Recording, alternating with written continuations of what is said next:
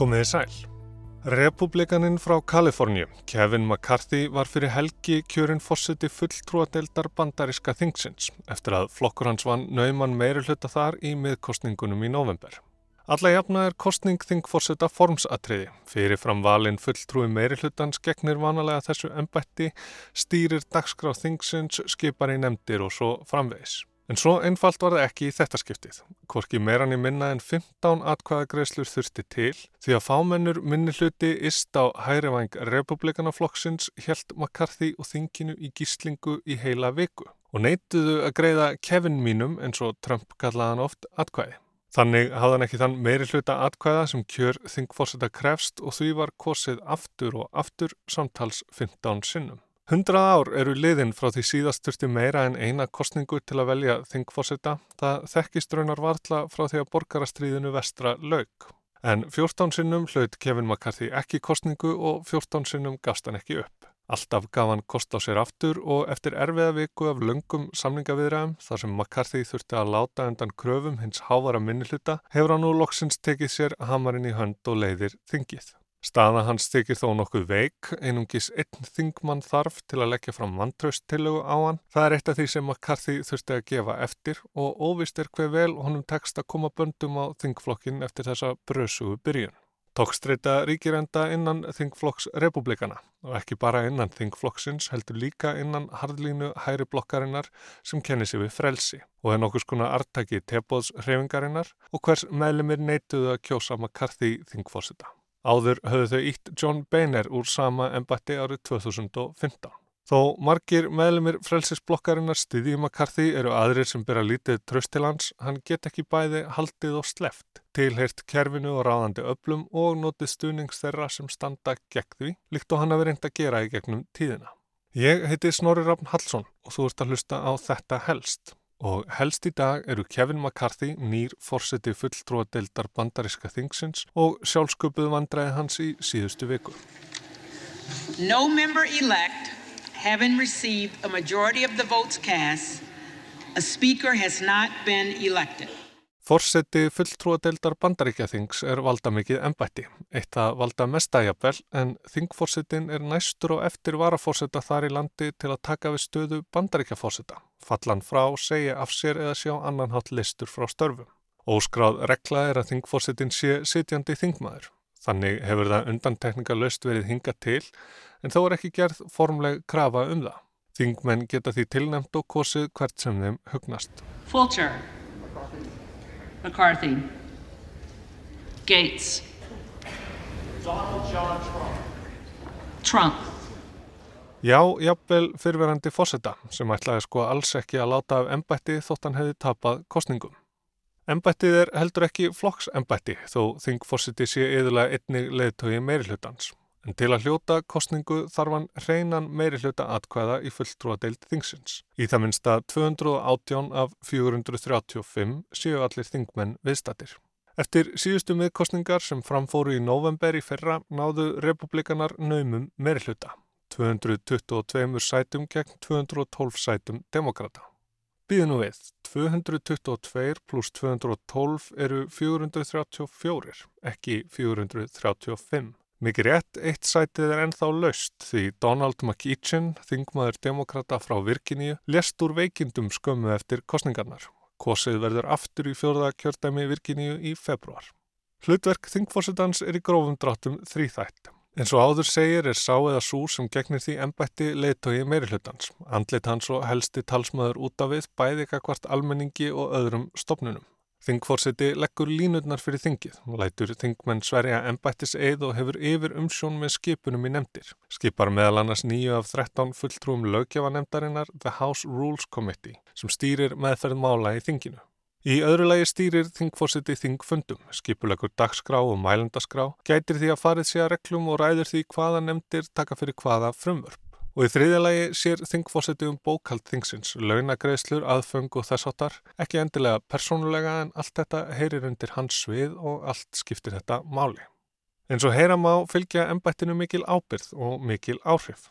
Fyrsta verk hvers þings, svo það getur starfað, er því að kjósa sér fósetta. Án hans eru engar nefndir, engir þingfundir, engir svartnir þingmenn.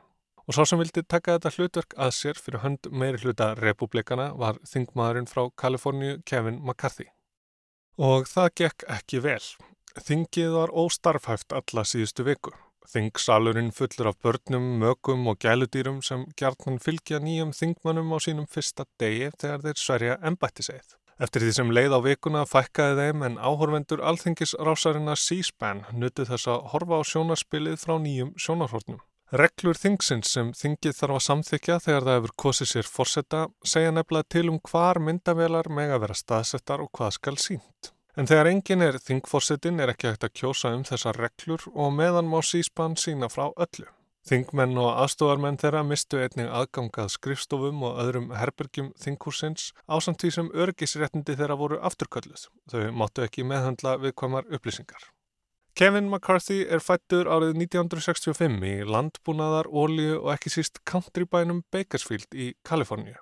I've got a tiger by the tail Hann lærði markaðsetningu og viðskiptastjórnun í Ríkisháskóla Kaliforníu í Bakersfield en setti snemma stefnuna á stjórnmálinn. Starfaði sem aðstofamæður þingmannsins Bill Thomas frá 1987 til 2002. Á sama tíma var hann formaður ungra republikana í Kaliforníu og síðar formaður ungra republikana á landsvísu. Sjálfur náði McCarthy kjöri á Ríkisting Kaliforníu 2002 og varð fljótlega leiðtogi minnilhutans þar þóttan lungin í að sapna fjö, miðla málum og samina flokksinn. Personutöfrar og sannfæringamáttur hans spiluðu þar starra hlutverk en politísk sín og hugmyndafræði. Þegar Bill Thomas gaf ekki kosta sér í kostningunum 2006 sá McCarthy sér leika á borði og varð arftaki hans í fulltrúadeildinni. Þar reysan einnig hratt innan raða flokksins varð náinn þingflokksformaninum Erik Kantor. Árið 2010 fyrir fyrstu miðkostningarnar eftir að Obama varð bandarækjafósiti tóku Kantor og McCarthy höndum saman með Paul Ryan. America is at a crossroads and Washington remains out of touch. There is a better way and the new team is ready to bring America back. Eric Cantor, Kevin McCarthy, Paul Ryan, joined by common sense conservative candidates from across the country. Þeir tilluðu sig Young Guns, ungu bissurnar og skrifuðu bók. They are the Young Guns. Innovative. Kápu teksti hennar gefur vísbendingu um hvað Kevin McCarthy og þeir félagar standa fyrir.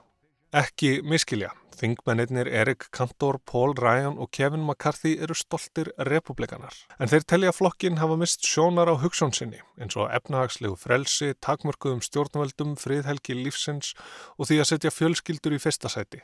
Þetta er ekki republikanaflokkur af aðeins. Þessar ungu bissur eru tilbúnar til að taka trú sína á þessum lögmálum sem gert hafa bandaríkinn svo frábær og koma fram með löstnir sem munu gera framtíðina enn betri. Lausnir sem munu skapa störfi í engageranum, hámarka einstaklingsfrelsi og skapa betri heim fyrir börnin okkar. Saman eru ungu bissurnar að breyta andliti republikanaflokksins og leggja nýjar línur fyrir ameríska draum.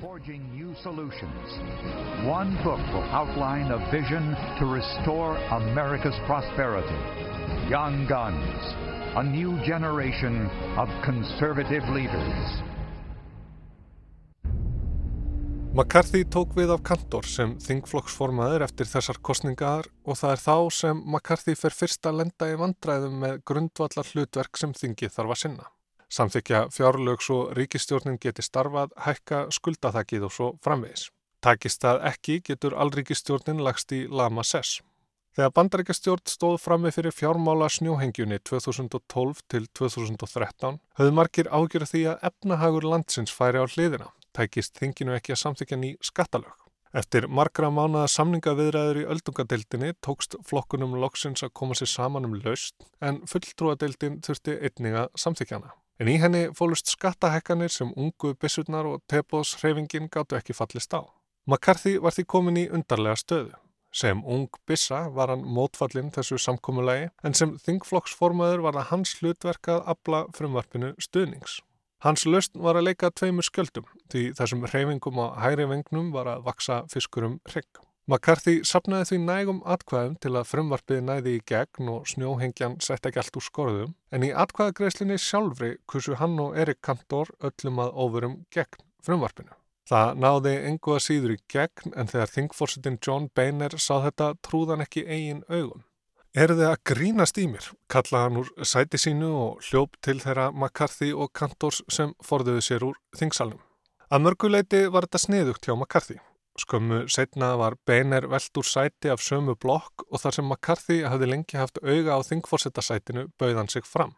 En eftir orðrómaðum framhjáhald og skoðun margra um að hann væri ekki nægilega íhaldsamur dró úr fylgjans. McCarthy klúðraði málunum svo þegar hann státaði sig af því að rannsóknanemnd fulltrúardeildarinnar hefði grafið undan frambóði Hillary Clinton, eitthvað sem allir vissu að væri tilgangur nemdarinnar en enginn mátti segja upphátt. Hann þurfti því að hætta við frambóðið og félagi hans Paul Ryan tók við ennbættinu í staðin. Þetta er nokkuð dæmigert fyrir McCarthy. Hann hefur alltaf reynd að spila með báðum liðum. Og meðan Paul Ryan átti erfiðu sambandi við Trump fórsetta og hættilóks í stjórnmálum árið 2018 kom McCarthy sér í mjúkin hjá Trump.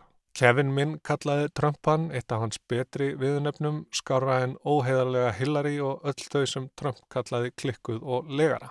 En sambandið súrnaði eftir árásuna á þinghúsið 7. janúar 2021. The president bears responsibility for Wednesday's attack on Congress by mob rioters.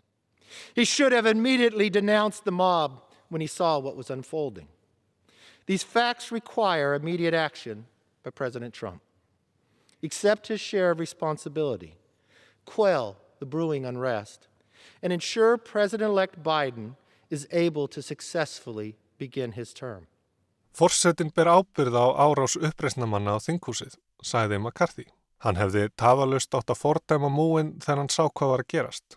Trump-forseti verður að bræðast við þessum staðrendum undir eins, gangast við ábyrðinni, hveða niður óráan og tryggja að bætin geti hafið kjörtímabili sitt. Þingið þarf líka að bræðast við og því telji viðegandi að rannsóknanemnd komi saman.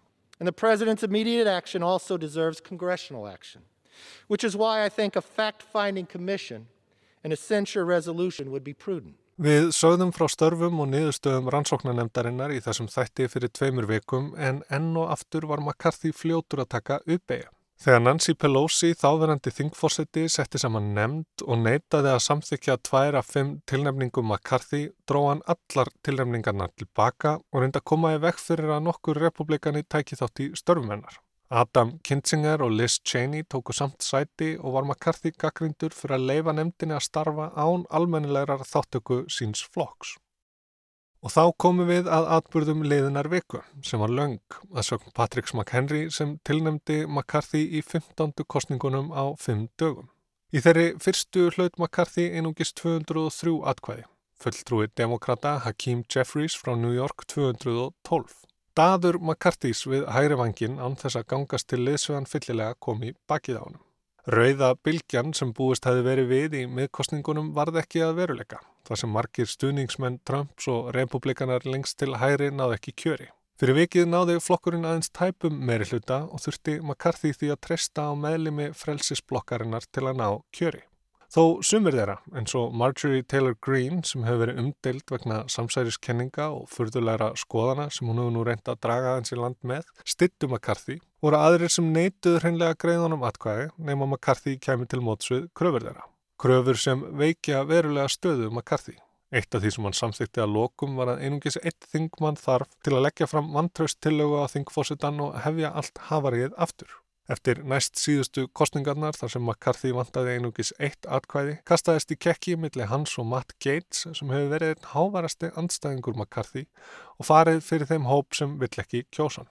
Stjórnmálaskýrindur vestra segja þennan hóp sem haldið hefur þinginu í gíslingu ekki sérlega uppbyggilegan í hugsun.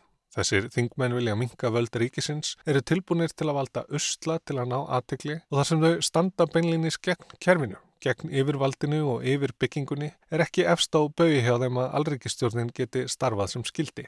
Nýtt reglufrumvarp þingsins dregur úr mætti síðanemdar þingsins og gegst McCarthy við því að verulegar takmarkanir væri settar á útgjöld alrikistjórnarinnar.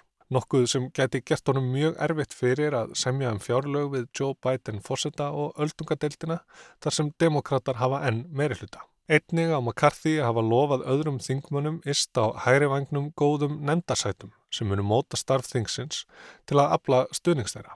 Fellows agree in their tallies that the total number of votes cast is 428, of which the Honorable Kevin McCarthy of the state of California has received 216.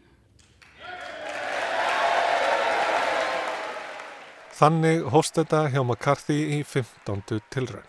Demokrater hafði ekki veitt honum neina líflinu. Hakeem Jeffries fekk þeirra 212 atkvæði í öll skiptin. That was easy, huh? I never thought we'd get up here. Draumur McCarthys er nú orðin að veruleika. Hann er fórseti fulltrúadeildar bandaríkja þings. Það var ekki auðvelt, það tók með tíma, með fjöldakostninga sem ekki hefur sérst í meira en öld. Og til að gera þennan draumað veruleika var þann að láta undan kröfum hávars minnihluta síns eigin flokks. Veikja verulega sína eigin stöðu og draga ár valdi ennbætti síns. Þessi fyrsta vika hefur ekki verið auðveld og bóðar ekki gott fyrir það sem koma skal næstu tvö árin. Þó McCarthy haldi nú á hamrinum er hann á milli steins og sleggju. Þarf að spila með báðum liðum af kænsku vilja hann halda sæti sínu og koma reglu á þingflokkinu. Hvernig hann kemur út úr því verður tíminn einnað leiða í ljós.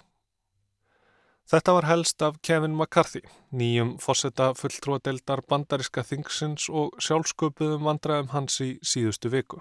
Ég heiti Snorri Raffn Hallsson og þakka áhengina. I've got a tiger by the tail, it's plain to see. I won't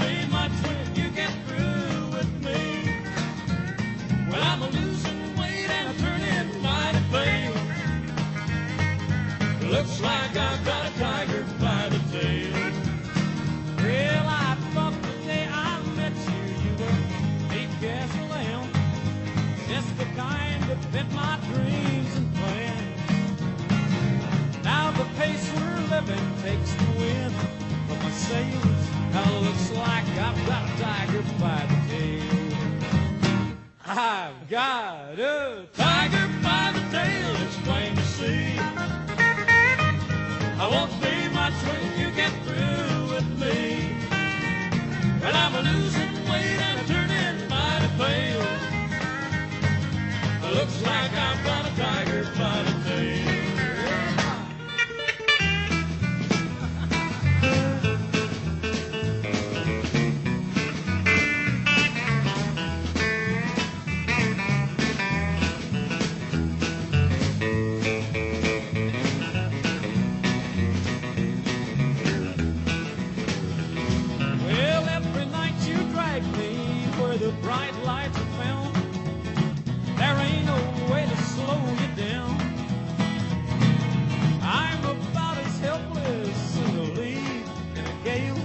And looks like I've got a tiger by the tail. I've got a tiger by the tail, it's plain to see. I won't be much when you get through with me. Well, I'm losing weight I'm turning mighty pale. Looks like I've got